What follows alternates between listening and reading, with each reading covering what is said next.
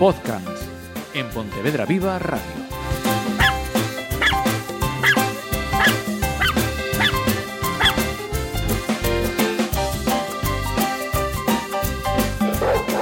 Saludos, eh, ya estamos aquí con otra edición de podcast y como habitualmente con basta que hablamos de animales con la pata necesaria para llevar a cabo este programa que es la de Diego Álvarez, nuestro educador canino. Bienvenido. Una, Muchas gracias, el más animal una de semana todos. más. Ese soy yo.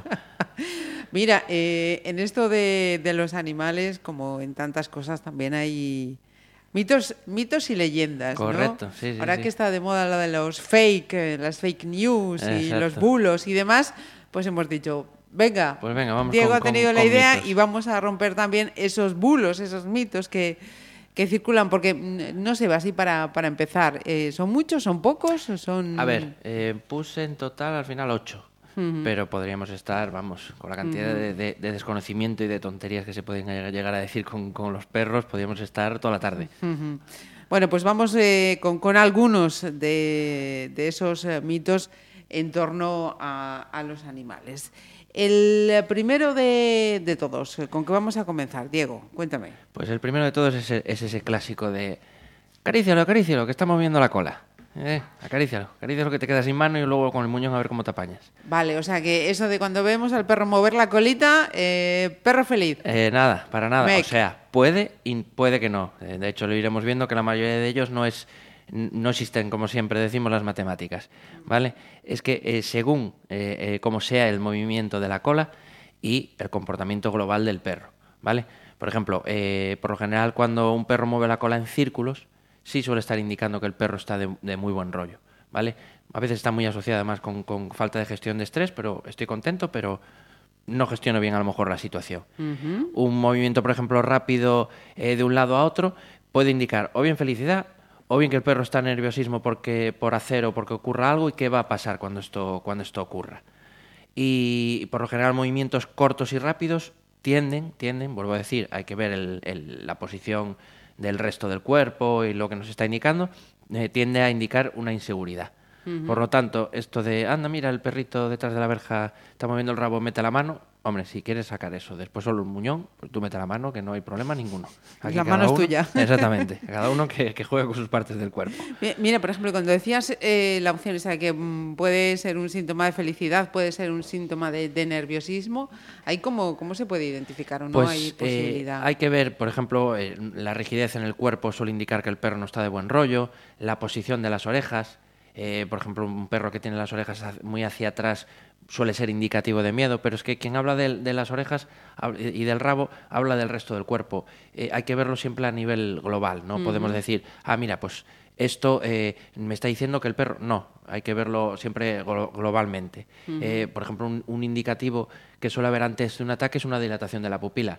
Yo no recomiendo ponerme delante del perro a ver si le dilata la pupila o no cuando va justo a atacar, pero por ejemplo sí suele ser un indicativo. Entonces, claro, hay que ver al perro globalmente. Hay muchas veces que te dicen, ¿y por qué te das cuenta? Pues mira, no te puedo decir un detalle en concreto de- ni del rabo ni de las orejas, sino porque globalmente estoy viendo que el perro no está de buen rollo. Por ejemplo, la gente, mucha gente riña a sus perros cuando gruñen. ¿Vale? Eh, primero, no debería de hacerse nunca, yo creo que ya lo explicamos en su momento, porque en la escala comunicativa yo prefiero que el perro gruña que que el perro muerda. Y a mayores, hay gruñido de juego. Hay que saber identificarlo, pero, eh, por ejemplo, Bella, siempre hablo de Bella, lógicamente, eh, muchas veces cuando está jugando hace... Y está jugando, no tiene ninguna intención de agredir ni nada por el estilo. Entonces, claro, no podemos decir, ay, gruño va a atacar. No, mira al perro globalmente. Si el perro está jugando, ¿por qué va a atacar? Sí que si el gruñido cambia de tonalidad y de intensidad, podemos decir, uy, sí, hasta ahora está gruñendo de juego, pero se está calentando porque no le está gustando este juego. Entonces, claro, siempre hay que ver al perro globalmente. Mm, Vale. Mira, y una pregunta, eh, insisto, yo, yo siempre pregunto por desconocimiento. Pero, mm, Pero soy de esta también te de acabas las que- haciendo con un perro de las seguro, que, De las que pregunta, que más vale preguntar y saber que no, no preguntar y quedarse sin, sin saber. Eh, lo de los animales con o sin rabo, que igual también es, es otro mito. Eh, ¿Hay que cortárselo? ¿No hay que cortárselo? ¿Es beneficioso? ¿Es Para nada. O sea, salvo un problema, digamos, orgánico, eh, tengo entendido, yo en veterinaria me, me suelo meter lo menos posible, para eso tenemos a Sisela que ya vino el otro día. Eh, es cierto que hay perros que son muy nerviosos y eh, a la hora de pues, que llegamos a casa y saludar, se rompen la cola con el movimiento, golpean contra un mueble. Si esto es, por ejemplo, repetitivo, sí que pues, se puede amputar, pero es por un, por un problema de salud, o sea, para evitar que el perro cada dos días tenga el, el rabo roto.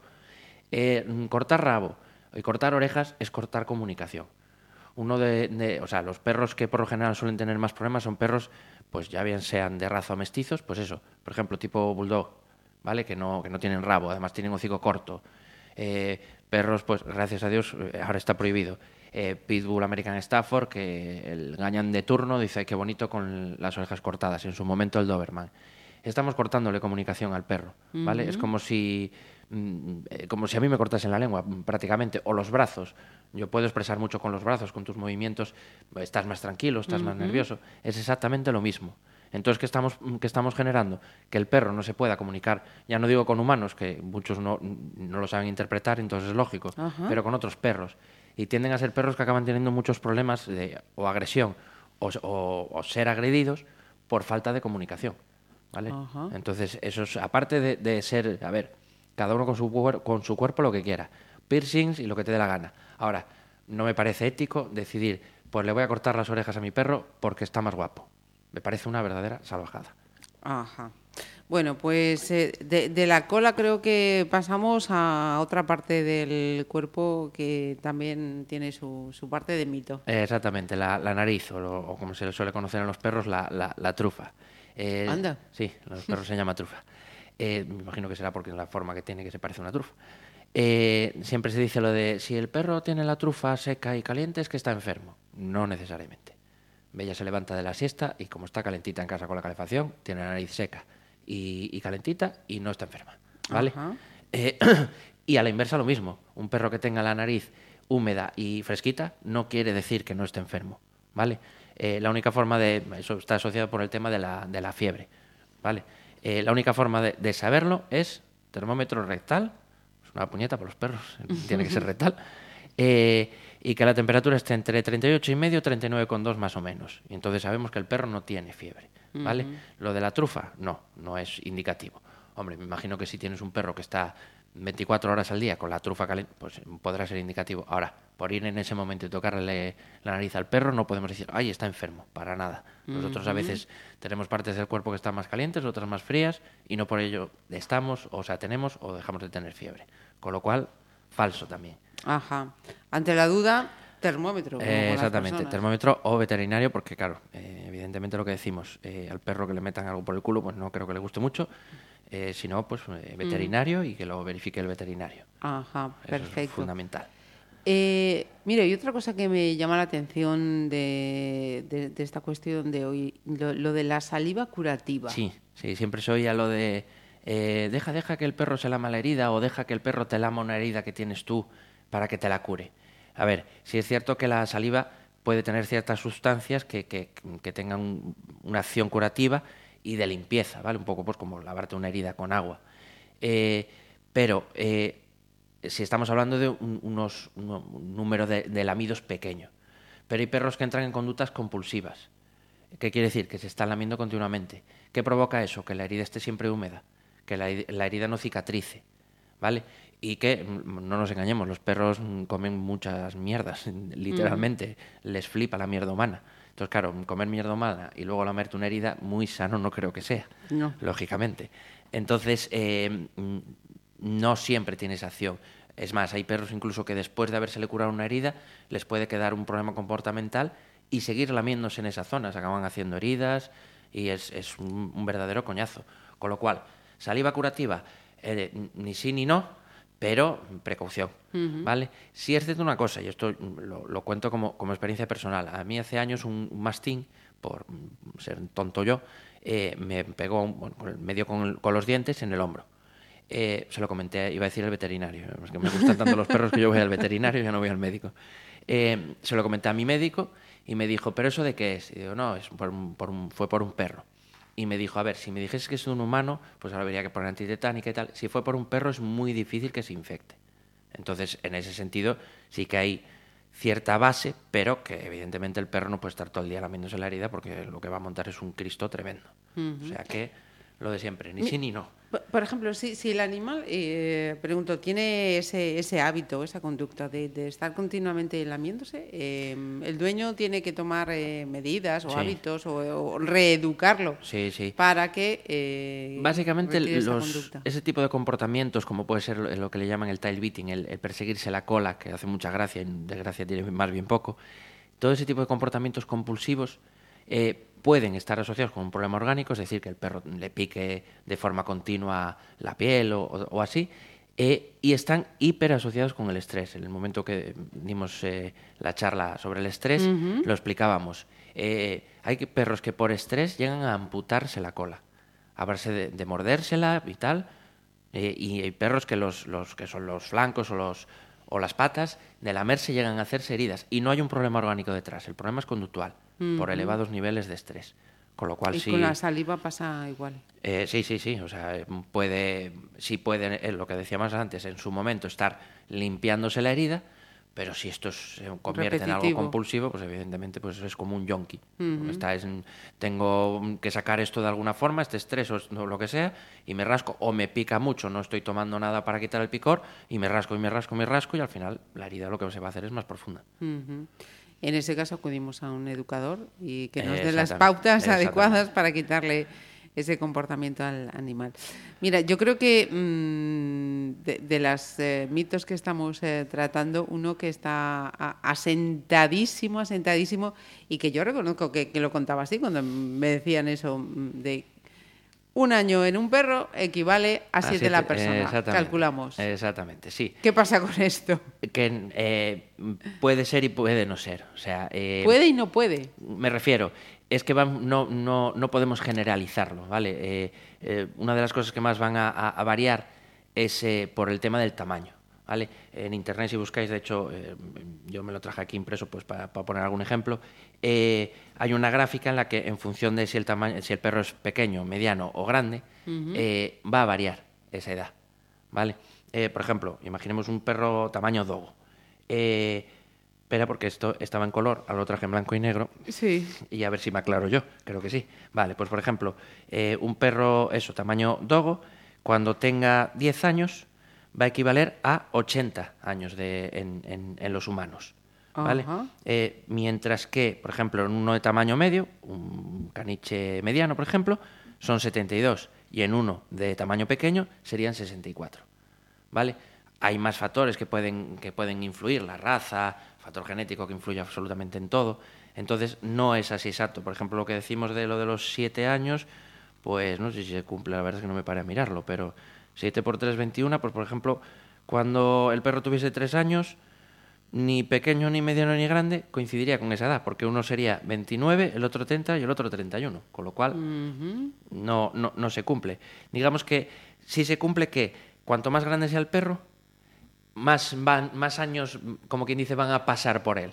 ¿Vale? Es decir, un perro de 14 años pequeño tendría 84 en, en edad humana. En, en mediano sería 96 y en, mm, en un perro grande 108. ¿Vale? Entonces eso sí se, sí se puede verificar, o sea, sí se verifica. Eh, cuanto más grande, es como si hubiesen pasado más años por encima de- del perro. ¿Vale? Entonces, eso hay que tenerlo en cuenta. Ya os digo, hay, ta- hay una tabla en, en internet que os lo, os lo indica. Por ejemplo, Bella, que le calculamos sobre 12 añitos, pues mira, tiene ya 94. Eh, pero bueno, está hecho un toro la tía. o sea que- Claro, eh, mm, pero ahí también podemos asociar eh, una idea. Eh, un animal en, en 94 años, según estas tablas que, que estamos viendo, sus, su estado físico también se puede comparar al de las personas o tampoco tiene nada A ver, que em, como todo, evidentemente, por eso decía el factor genético. Hoy, hoy en día, por lo que tengo entendido, cada vez se demuestra más que a mayores de lo que tú hagas en tu vida, el factor genético te influye muchísimo a la hora de tener o no tener un cáncer, por ejemplo. Eh, independientemente del factor genético, mm, dependiendo de, la alimentación que le demos a nuestro perro, del ejercicio que haga, de las visitas periódicas que nos comentaba Sisela el otro día al veterinario y, y tener buenas revisiones, evidentemente podremos alargar o, entre comillas, acortar la vida de, de nuestro perro. Esto sería, pues eso, unas condiciones, digamos, idóneas. Se habrán hecho, pues, no sé dónde han sacado, estudios de tantos perros, cuánto duran, tal. Imagino Claro, que quiero decir, por ahí. ejemplo, tú nos ponías el caso de Bella, 14 años, Sí. ¿no? Claro. Eh, 90 y, en el caso de, de una persona, hombre, mm, una persona de 90 y tantos años, echar una carrera, Ah, no, pues claro, claro. es todo lo habitual o frecuente que- nos gustaría. evidentemente. Pero sin embargo, en Bella es sí, en- totalmente en, Bella normal. sí, sí, además es que el- los perros lo que tienen es que en ese sentido yo creo que al ser más inconscientes, es decir, una persona de 94, no- de 94 años es consciente de que tiene 94. Yo creo que tendemos a, a autohundirnos. El perro no, el perro mm, en Bella echa, de hecho a veces le fallan un pelín las patinas de atrás, echa una carrera, pues porque en ese momento está súper feliz, quiere echar una carrera y no es consciente de, joder, me, me fallan las patinas, no voy a correr, no. Entonces, como son más instintivos, pues eh, en ese sentido sí que, que no, no- no se parecen a nosotros. Seguramente sean más- mucho más felices. Eh, siguiente mito. Bien, el famoso mito de que los perros ven en blanco y negro. Ah, ¿vale? Que es muy típico también en... en, eh, o sea, el, en- bueno, lo que se decía de- del toro, de es que va al color rojo. Bueno, pues sí, en general está. muchos animales. Sí, eh, el toro no va al color rojo, el toro va al movimiento, ¿vale? Es decir, cuando al torero se le cae eh, el capote, no voy a hacer ninguna broma porque habrá gente que le guste los toros. eh, Ejemplo. ejemplo, eh, el toro va a por el torero, ¿por qué? Porque el torero se mueve, ¿vale? Son una cuestión de movimiento. De igual. movimiento. Exactamente, ni más ni menos. Es falso, los perros no ven en blanco y negro, ¿vale? Distinguen bien el azul, el amarillo y las escalas de grises, Azul, amarillo y claro. Exactamente. Y no distinguen bien el verde, el rojo y el naranja. Y estos se quedarían englobados dentro de escalas de grises o amarillos. Son un poco, digamos, daltónicos. O sea, un perro no podría conducir. ¿Vale? Bueno, aparte porque no tiene pulgares. Pero es eso, los verdes, los rojos y los naranjas los distinguen muy mal. Por eso, esto es una de las cosas que yo me aprovecho muchas veces por el, el tema de, de la, lo que hablábamos de jugar con una pelota, para que una pelota no de tenis, ahora os explico por qué, que no sé si lo expliqué o no. No, ¿No recuerdo. Vale, pues ahora lo explico. Eh, una pelota amarilla sobre un fondo verde, lo distinguen fatal. Y eso que nos va a permitir que el perro busque la pelota por olfato y no por vista, porque no la va a distinguir al no, al no, ve- al no distinguir esos colores. Lo de la pelota de tenis, ¿por qué no? Las pelotas de tenis tienen fibra de vidrio, ¿vale? Eh, que un perro coja la pelota con, con la boca no va a pasar nada, pero si tenemos un perro de estos que lo que hacen es morder la pelota, rillarla, eh, lo que va a hacer es desgastarle los dientes de una forma brutal, ¿vale? Pues fíjate, aún ayer me llamó la atención un perro con una pelota de sí, sí. Eh, puede no ser de tenis. Yo, por ejemplo, siempre recomiendo, vuelvo a decir, yo no tengo acciones de Con, pero siempre recomiendo la marca Con, para mí es la más fiable. Eh, tienen pelotas que son exactamente igual que las de tenis, son el mismo color y todo, pero son especiales para perros. Para perros, Con lo cual no nos arriesgamos a que nuestro perro se quede sin dentición en, en cuatro años. Sobre todo eso, perros que, estén, que cojan la pelota en casa o en, en un campo y estén ahí rillando la pelota. Les va a destrozar la, la- la dentadura. O sea que eh, eso no. Eh, deberíamos de usar juguetes que sean especiales para perros. Y, y, lo, y lo del color, o sea, azules, amarillos y gamas de grises. Fíjate, me acabo de quedar. Sí, sí, sí.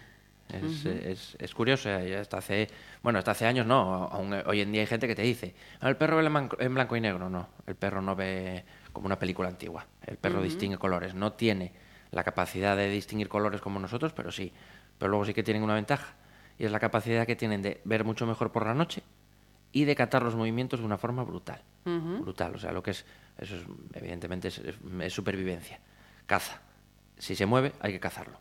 ¿Cuántos cachorros se ve por la calle persiguiendo todas las hojas en pleno otoño? En cuanto se mueve, eso hay que cazarlo. Sí, sí, eso sí, todo se mueve, hay que cazarlo, ¿vale? Por eso muchas veces hablábamos de lo de una buena socialización, que el perro está acostumbrado a ver bicicletas, eh, patinetes, todo este tipo de cosas, para que entienda, no, no, eso es, un- es, es algo común del día a día, no hay que cazarlo, ¿vale? Porque si no, es un- creo que lo había contado una vez aquí, de un perro en Vigo que quería cazar los autobuses, un pastor alemán. Es cierto que los niveles de estrés que tenía ese perro no eran normales, pero que quería cazar autobuses, claro, en pleno Vigo, con los vitrases que hay, el dueño se lo pasaba genial. Pues, genial. Sí, sí, sí.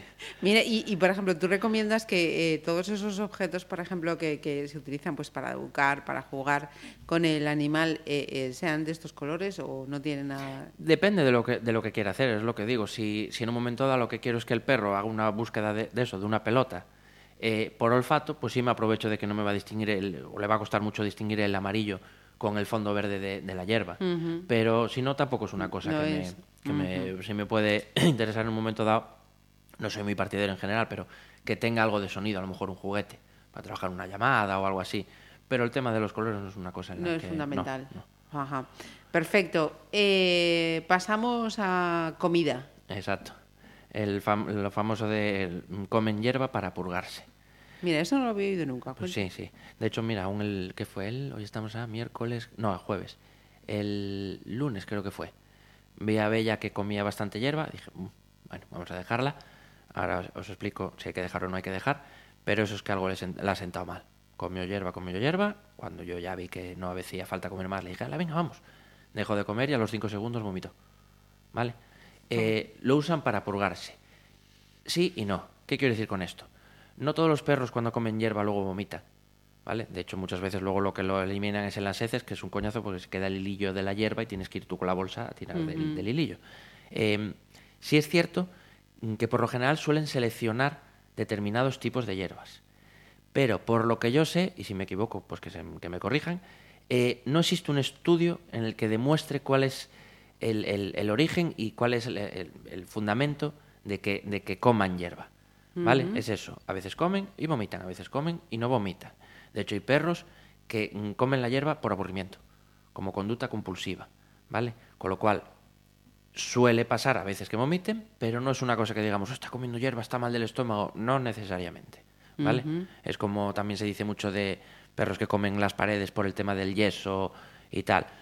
No, hay perros que comen las paredes porque tienen ansiedad por separación y lo que quieren es hacer un agujero en la pared para llegar a sus dueños. Sí, o porque han estado, están solos. Exactamente, me aburro. Excesivamente so- eso Eso es. es, eh, es como, no, es que mm, se comen las patas de la mesa porque tiene mucha proteína la mesa, eh, porque es de madera, sí, claro. Pon una de hierro a ver si la muerde también.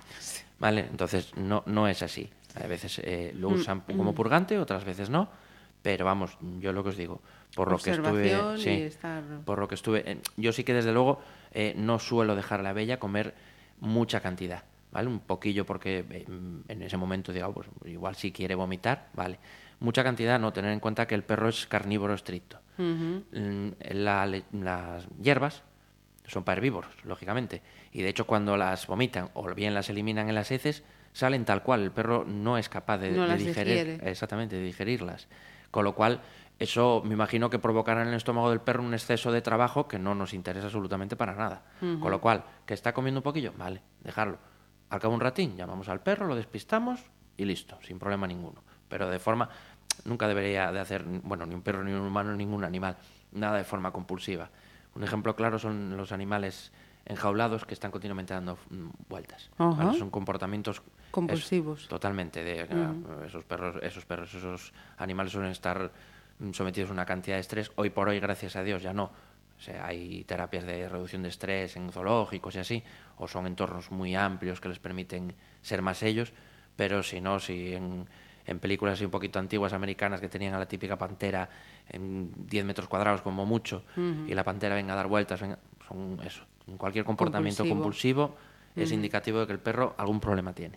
Mira, y ya que nos comentabas esto de comer hierba, estaba pensando pues en situaciones que supongo pues que, que más o que menos no- nos ha tocado, ¿no? Mm, Una comida, las sobras, eh, guárdame los huesos para el perro, guárdame los restos de tal.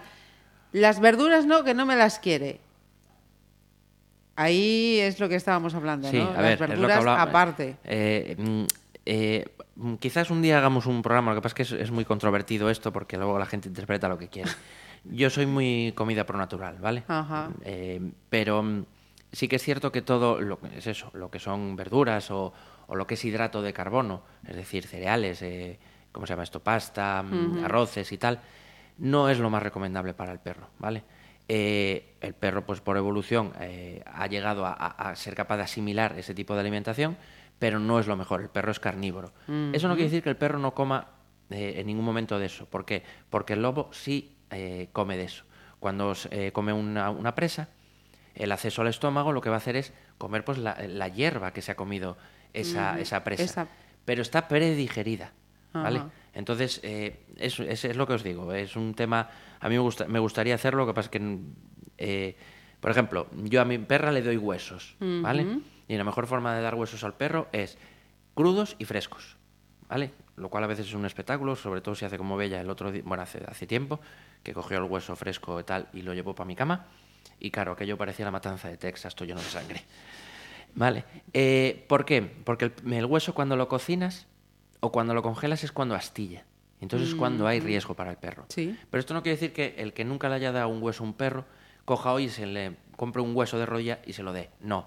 Si el perro no está acostumbrado y siempre ha comido pienso, le vais a, de- a provocar una diarrea osmótica seguro. Con lo cual, por eso digo que es, es un tema complicado. Eh, haya cada uno, cada uno se puede informar. Yo vuelvo a decir, soy súper partidario de la comida natural. Yo a Bella, mm, se- lo ideal es la- lo que le llaman la dieta BARF, que es totalmente cruda. Yo a Bella se la cocino porque si no habría ciertas cosas que no me las quiere comer. Pero, evidentemente, eh, eh, ¿te guardo tal o te guardo cual? Vale, la verdura, bueno, claro, el perro es carnívoro, no es tonto. O sea, lo que va a querer es la, es la carne. Perfecto. Pues eh, fíjate, tenemos para, para otro programa Sí, sobre sí. alimentación. Eh, seguimos hablando de, de mitos con los perros y, y nos vamos a los perros mestizos. Exactamente. ¿Qué les pasa? Siempre se, se- se decía lo de que los perros mestizos tienen mejor salud que los perros de raza. Eh, esto, igual que antes, es cierto y no es cierto. ¿Pero por qué? Hay una cosa que es lo que se conoce como el vigor híbrido, ¿vale? Vigor híbrido. Exactamente, Ajá. que es, eh, se refiere a eso. Eh, em, a ver, vamos a- en, en el otro sentido. Un perro de raza. Las razas se crearon, eh, eh, pues lógicamente, eh, buscando determinadas características o físicas o, o- o psíquicas del perro. ¿Cuál es el problema? Que los cruces se tendieron, sobre todo al principio, eh, a hacer mediante lo que se llaman cruces endogámicos. ¿Qué quiere decir? Abuelo con nieta, un poco, yo con esto me voy a jugar que me pongan en la calle, un poco los Borbón, ¿vale? Sí. Entonces, ¿qué es lo que provoca eso? Taras, sean tanto a nivel físico como a nivel psíquico, ¿vale? Eh, eso provocó que sí, que, que- que, mm, que ciertos eh, perros de raza presentasen una serie de, de, de- de eso, de problemas orgánicos. Por ejemplo, el origen de la displasia en, en los pastores alemanes, eh, el carlino, eh, no sé si, si os No. dais cuenta, es, es parecido como si fuese un bulldog francés, es parecido, es, un- es crema, pero es parecido. Pues el carlino, uy, que le di al micro, que se me lo cargo. Eh, por estética, porque el FCI lo decidió, eh, tiene que tener el rabo, a lo mejor me equivoco, pero por lo que leí en su momento, ¿eh? tiene que tener el rabo como el de un cerdito, así, como, un- como enrollado. Ajá, sí, ¿vale? sí, sí. Porque queda bonito. ¿Qué le implica eso al perro? Que las últimas vértebras de- que están unidas a, a la, a la zona del rabo eh, estén torcidas. Anda. ¿Vale?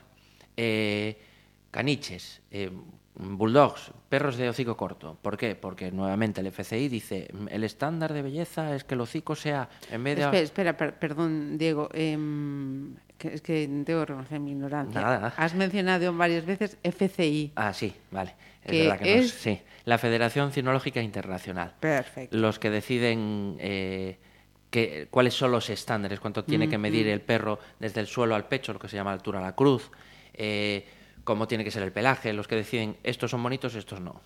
Me lo van a decir a mí, la más bonita es bella, o sea, no hace falta que me lo diga nadie.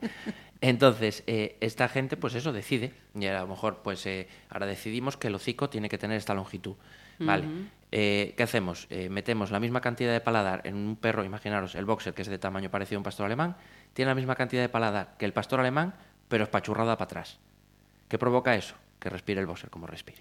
Claro. ¿Vale? Entonces sí que evidentemente eso acaba trayendo como, secuencia, como consecuencia problemas orgánicos y muchas veces también problemas a nivel conductual.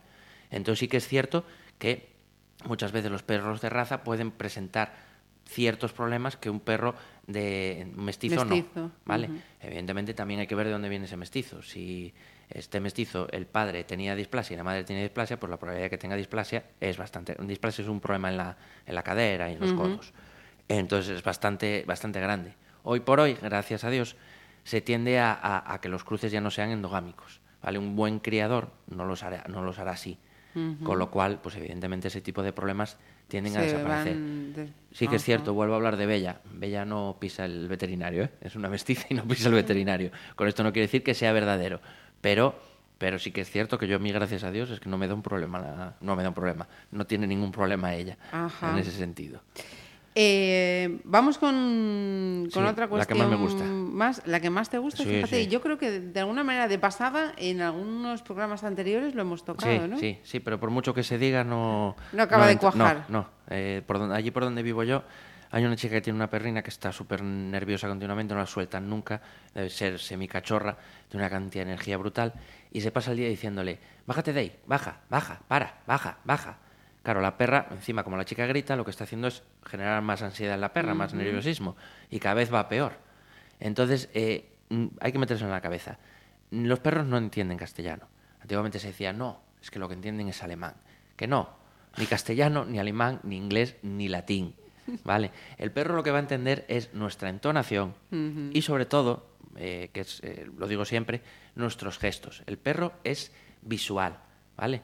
Es, es fundamental cómo, cómo actuemos para... mm, Creo que hace, hace, un- hace unos años eh, quiero recordar eh, que había leído, yo que leo muchas cosas y luego, como ya estoy mayor, no retengo todo. Que eh, a un caballo le enseñaron a sumar. Vale. Eh, le decían una suma y el caballo daba coces, o sea, daba con la pata delantera en el suelo hasta que acababa de sumar. Bien, creo que fliparon para descubrir de dónde venía. Y la historia es que el- la persona que se lo había enseñado, cuando el, el caballo ya había sumado, imaginaos dos más dos, y daba cuatro veces, pestañeaba para que nos hagamos una idea de hasta qué punto, eh, hasta qué punto son visuales los animales. En el momento que la persona pestañeaba, el caballo decía, tengo que dejar de dar coces. Y dejaba de dar coces. Pues fliparon hasta que descubrieron de dónde, cómo demonios le habían enseñado, que no lo habían enseñado lógicamente, a sumar al caballo. Y era simplemente quiero recordar que por un pestañeo. O sea que Toma. eso es fundamental. Entonces, nuestra posición corporal y los tonos, sí. El idioma, no. no, entienden castellano. Ah, pero yo le digo a su sitio. Bueno, pues porque a lo mejor un día, eh, lo típico, le digo a su sitio y sabe ir si yo no se lo he enseñado. Vale, has estado durante seis meses diciéndole al perro a tu sitio a gritos. Y de repente un día le ha funcionado que yéndose a su cama, has dejado de gritar. Y el perro ha dicho, coñe, cuando dicen a su sitio, si me vengo aquí no me gritan. Asociación, ahora os lo explico. Pues cuando digan a su sitio me vengo para aquí y me ahorro una bronca. ¿Vale? ¿Qué quiero decir con esto? Que lo que funciona, eh, como funciona el perro, el cerebro del perro, por lo menos hasta los estudios recientes, es por lo que se llama condicionamiento. ¿Vale? Es decir, asociaciones. Hay dos tipos de condicionamiento, el clásico y el instrumental, no vamos a entrar mucho en ello. Eh, uno eh, de Pavlov, eh, la famosa, el famoso campana de Pavlov, que no era una campana, era un metrónomo, pero bueno, eh, premio Nobel, y, y el condicionamiento instrumental de Skinner, un psicólogo reconocido a nivel mundial. Por eso cuando la gente me dice, sí, sí, que se acuerda. No, no, o sea, estás llevando la contraria a un premio Nobel y a un psicólogo. Yo ahí ya cada uno que haga lo que quiera. Igual llevan un poquito de Es, razón. es- o sea, es como yo- la, la teoría- la de la relatividad me la paso yo por... Vale, pues ya, si eso, vete tirando. ¿Vale? Entonces, no. Eh, un- una de las cosas, que, el clicker que dimos la, la clase... La anterior, anterior sí. clase, la charla. Eh, para asociarlo, que os explicaba lo de mm, eh, click premio, click premio, Ajá. se hicieron estudios de con qué intervalo el perro hacía esa asociación. Más o menos sobre unos 6 segundos, ¿vale? ¿Qué quiero decir con esto? Que, entre comillas, pasados 6 segundos, el perro no tiene ni puñetera idea de lo que ha hecho. Con lo cual llegar a casa y reñir a un perro por cameado. O eh, reñir a un perro porque haya hecho cualquier cosa pasado ese intervalo de tiempo carece de sentido porque el perro no lo entiende. Y ahora me viene el listo de turno. Sí que lo entiende, porque cuando se lo digo, echa las orejas para atrás, se va a su cama acojonado. A ver, a mí me entras por la puerta de casa, yo no he hecho nada. Y te pones a gritar y también me voy acojonado para mi cama. Pero no porque sepa lo que he hecho. ¿Vale? Tú puedes entrar gritando, me cago en todos tus muertos. Uy, yo ante la duda, me- exactamente, no como mínimo me largo. ¿Vale? O me defiendo, esa es la, la otra opción. ¿Vale? Pero hasta que acabes yo te diré, ¿qué hice? ¿Vale? Pues es lo mismo. Y evidentemente coger la, ca- la ca- la cabeza del perro y meterse en el, en el pis no funciona. ¿Vale? O sea que esto para mí es de las más importantes. El resto son datos, digamos, anecdóticos, pero desde luego el que memoricemos de una vez que la capacidad de memoria a largo plazo del perro viene dada por un condicionamiento, por una asociación, y que los perros no entienden castellano, que para explicarle las cosas hay métodos pues como el clicker o así, mm, vamos a ir mal. No vamos a evolucionar a, a- a nivel relación con los animales ni de broma. Y es una cosa que, que pone muy nervioso eh, ver día tras día a la gente gritando a los perros, tal, y que ves la cara del perro que está diciendo, no tengo ni idea de lo que me estás diciendo. ¿vale? Quiero recordar que cuando fue lo del clicker comentaba de que, de que los comandos fuesen concretos. Es decir, yo a Bella llego a casa y le cuento mis penas. Pero si a Bella le quiero pedir que venga, le digo, Bella aquí. Ya está. No ensucio más eso. ¿Vale? Entonces hay que metérselo en la cabeza. Es fundamental porque no le estamos haciendo ningún favor. Y vuelvo a decir, si no estáis de acuerdo, pues jugáis a la Ouija, a la Ouija, sí, a la Ouija, porque creo que Paulo y Skinner creo que ya no están vivos. Eh, con él y con ellos y que os lo explique. Pero no me lo estoy inventando, ¿vale? Es, es la base a la hora de educar a un perro. Conclusión también con, con esta medida que estabas explicando, y es que eh, lo de eh, ponerle un, un nombre a, a nuestras mascotas es más una necesidad nuestra a que el perro diga, eh, soy mm, Sí, Toby. Ejemplo. Toby. Luca o lo que sea. A ver, mm, lo que suele pasar con el tema del nombre es que eh, suele estar asociado con cosas buenas, ¿vale? ¿Qué pasa? Que luego a veces lo asociamos con cosas malas como reñir. Nunca riñáis a los perros por su nombre. El nombre tiene que ser siempre algo positivo, que cuando yo lo diga el perro venga cagando leches a donde estoy yo, ¿vale? Eh, ¿Qué solemos hacer? Ponemos la comida, Toby. Con lo cual, la asociación, nombre con algo positivo que es la comida. Quiero dar mimos, Toby. Algo positivo. Si solo se hiciesen esas asociaciones, genial. El perro lo que hace es eso, una asociación. Ese sonido, no esa palabra, ese sonido, Sí, sí, sí, sí. lo sí. asocio con algo positivo. ¿Qué suele pasar? Que luego, evidentemente, cambiamos la tonalidad y pasamos de Toby a Toby, porque el perro no viene. Entonces, ese cambio de tonalidad, el perro le dice, no voy porque si voy a trapo. ¿Vale? Entonces, es muy importante eso, eh, que o bien eh, usemos 40.000 tonos distintos para el nombre del perro y que siempre la consecuencia sea positiva, o que si vamos a reñir, que nunca usemos el nombre del perro, ¿vale? Para que no haya esa asociación. Y si no, por- porque aparte es eso, le volvemos la, la cabeza loca. Este sonido que suele ser guay, ahora llego y me cae un rigostio. ¿Qué hago la próxima vez? Yo por si moja no me acerco. ¿Vale?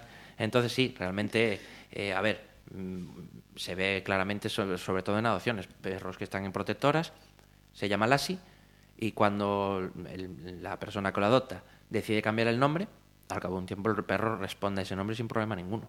O sea que está claro que el perro no es consciente de, están llamando a Lua, pero no, yo me llamaba Lassie, no voy, no, para nada, para nada. Bueno, pues eh, hemos dado repaso a varios mitos, esperamos que os hayan servido de, de ayuda. Y otra de las cosas que, que digo suele incluir también en estos programas eh, son eh, recomendaciones de algún libro y, y alguna frase. Exactamente. Bueno, libro, esta vez eh, no, no, no puse el libro en concreto. Sí que os recomiendo, por lo que os decía del tema del condicionamiento clásico Sí. instrumental, hay vídeos en YouTube buen- buenísimos. Perfecto. ¿Vale? Entonces nos da mucho una idea, ojo, que el condicionamiento funciona no solo con nosotros, ¿eh? O sea, no solo con los perros, funciona con nosotros, funciona con, con cualquier tipo de, de- de animal, ¿vale? Con una capacidad, es decir, bueno, me imagino a lo mejor que con los peces también, pero por ejemplo hay una cosa, un ejercicio que se hace mucho, un ejercicio, como una reunión, digamos, que es el, creo que se llaman chicken camp, que son campamentos con gallinas. Anda. Y es la mejor forma de ver el funcionamiento del condicionamiento, las gallinas. Tú le puedes enseñar a una gallina a picar en un punto exacto mediante condicionamiento, pero que es un espectáculo. Entonces, mucha gente que hacen cursos de adiestramientos, primero hacen eso para luego hacer cursos de, de adiestramiento con perros, que la capacidad cognitiva es, es algo superior. La gallina pues, vendría siendo el político y, y el perro pues es un poquito más, ¿vale? O sea, no... Y, y entonces eh, es, es muy recomendable estu- estudiarse, o sea, aprender y saber sobre condicionamiento, a mí me parece muy, muy, muy interesante. Ajá. Y luego tenemos la, la frase, que no apunté de quién es, pero me acuerdo yo que es de Albert Einstein, y que dice que la vida es una preparación para el futuro, y la mejor preparación para el futuro es vivir como si no hubiera ninguno. Esto es- está muy relacionado con los perros. Una de las, de las poquitas cosas, quizás, que puedo decir que me gustan de- del, del adestrador, educador o eh, César Millán, es que dice que los perros viven el momento. Y es cierto, y está muy asociado con lo que hablábamos. El perro sí que es cierto que va a hacer asociaciones. Es decir, si ha salido a la calle y dos veces que ha salido, aquel perro me ha atacado, a la tercera a lo mejor te ataco yo. Pero van a vivir el momento, no van a salir pensando, y ahora cuando salga voy me a- va a venir este y voy a ir yo a por él. No, eso no, no lo tienen. No, Carecen de capacidad de abstracción. Entonces, en ese sentido, no saben ni lo que es bueno, o sea, no saben ni hacer el bien ni hacer el mal. Hace lo que En lo ese que le- momento. Exactamente, lo que le marque su instinto o el aprendizaje o así. Eh, se ha vengado de mí y se ha meado porque le dejé solo. No, se ha meado porque probablemente estaba muy estresado. ¿vale? Con lo cual, ni bondad, ni maldad, ni venganza, ni, y esto me vais a odiar todos, ni amor. ¿Vale? El amor implica una capacidad de abstracción. Y el perro sí le gusta estar con nosotros, pero porque es un animal social. ¿Vale? Y quien dice amo- amor dice odio. No, carecen de eso, son mucho, mucho más sencillos. Poco a poco se están viendo ciertas cosas, pero por lo que hay hasta ahora, es lo que hay, no, no hay más. Mira, digo, eh, llevamos unas semanitas sin recordarlo. Si cualquiera de vosotros queréis eh, plantear una duda o algo que, que digo va comentando, os genera alguna cuestión, hay un correo electrónico, ¿no? Al Correcto. Que pueden de hecho, escribir. no te lo mandé en el guion a ti, pero lo, lo- lo puse yo para mí y, y puse enfado, podcast.gmail.com y explico enfado. Eh, todos, yo incluido en su momento, nos quejábamos de, joder, tener un perro, alguien nos podría informar, no sé qué. No sé cuántos programas llegamos- llevamos, no, no recuerdo ahora mismo. Pues podemos mirarlo enseguidita. Vale.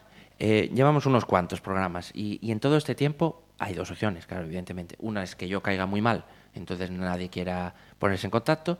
O dos, eh, que, que a la gente se la refanfinfle. Y realmente sí, eh, es, es raro verme enfadado o mosqueado, pero sí, me parece increíble que en todo este tiempo nadie se haya molestado en mandar un correo. No digo que me mande un correo diciéndome, mi perro quiere matar a todas las personas y a todos los perros. ¿Qué hago? No. ¿Vale? Eso hay que acudir a un profesional. Pero sí alguna duda en concreto. Pues, por ejemplo, entre comillas, chorradas como las que he contado ahora de, oye, ¿los perros por qué comen? Es cierto que tenemos internet para consultar y tal. Eh, ¿Por qué comen hierba? Consultas de este, de este estilo, o incluso a lo mejor un- alguna un poquito más compleja. Y, sinceramente, vuelvo a decir, mm, protestamos porque si no tenemos parques de perros, tal. Y cuando lo que no sabemos es realmente tratar a nuestros perros. Y eso es lo que nos debería de, de- de interesar. Y probablemente si supiésemos tratar a nuestros perros, nuestros perros eh, no se escapasen, nuestros perros no robasen la merienda del niño que está en la alameda, eh, a lo mejor los perros podrían ir sin bozal, sin correa y ser mucho más felices. Pero nos preocupan muchos más, muchas veces más tonterías que el hecho de entender a un animal que no es de mi especie. Entonces, en ese sentido, sí que yo voy a seguir haciendo los programas hasta Vamos que a echéis. ponerle ahí el punto de inflexión. Que en el programa 12 le lluevan los correos electrónicos a. Diego. Que yo encantado. Vale, eh, y sí, lo que decía Marisa, eh, dudas, sugerencias, todo lo que se os ocurra, yo encantado de la vida. Porque además así me evito tener que pensar la temática del siguiente programa. Y ayudamos, que a fin de cuentas también es lo, que, de lo que se trata. Y hablando de ayudar, vamos a insistir también eh, en un animalillo que Sí. ya habíamos eh, Sí, es, puesto en... ya lo había comentado, que es un perrín con el que estuve yo trabajando, que no, no tuvo mucha suerte en la, en la familia en la que cayó. Y la verdad es que es un encanto, lo de siempre. Es un PPP. Ya haremos un programa sobre los PPPs para desmitificar y confirmar ciertas cosas. Eh, es Tyson, el famoso Tyson. Es un macho, está castrado, tres añitos, bueno, ahora tendrá tres añitos y algo porque es el último programa. Es un pitbull. Eh, tiene una buena, y mm, vuelvo a decir, como he estado con él, lo conozco, mm, hasta, hasta su momento, en la socialización con perros y humanos era espectacular. O sea, yo cuando me veía los saltos que pegaba para darme lamentazos en la cara era increíble. Nunca le vi un mal gesto con ningún perro ni nada. Que ahora, al estar en una protectora los niveles de estrés son mayores, más ele- mm. pero en su, nivel, en su momento eh, es un perro de, bueno, de energía mínimo media alta. Eh, está con la protectora de Tú eres nuestra ayuda de, Vigo. de Vigo y el contacto que es Ana, eh, buena compañera, mejor persona. Y el número es 673-946-671. Pues lo recordaremos, eh, tranquilos, si nos, da, nos ha dado tiempo a apuntar, que luego en la información que acompaña cada programa lo, lo recordaremos con, con todos sus datos. podcast.gmail.com. Cualquier pregunta, cualquier cosa, que Diego os la responde encantadísimo. Encantadísimo. Muchísimas gracias. Gracias a vosotros, como siempre.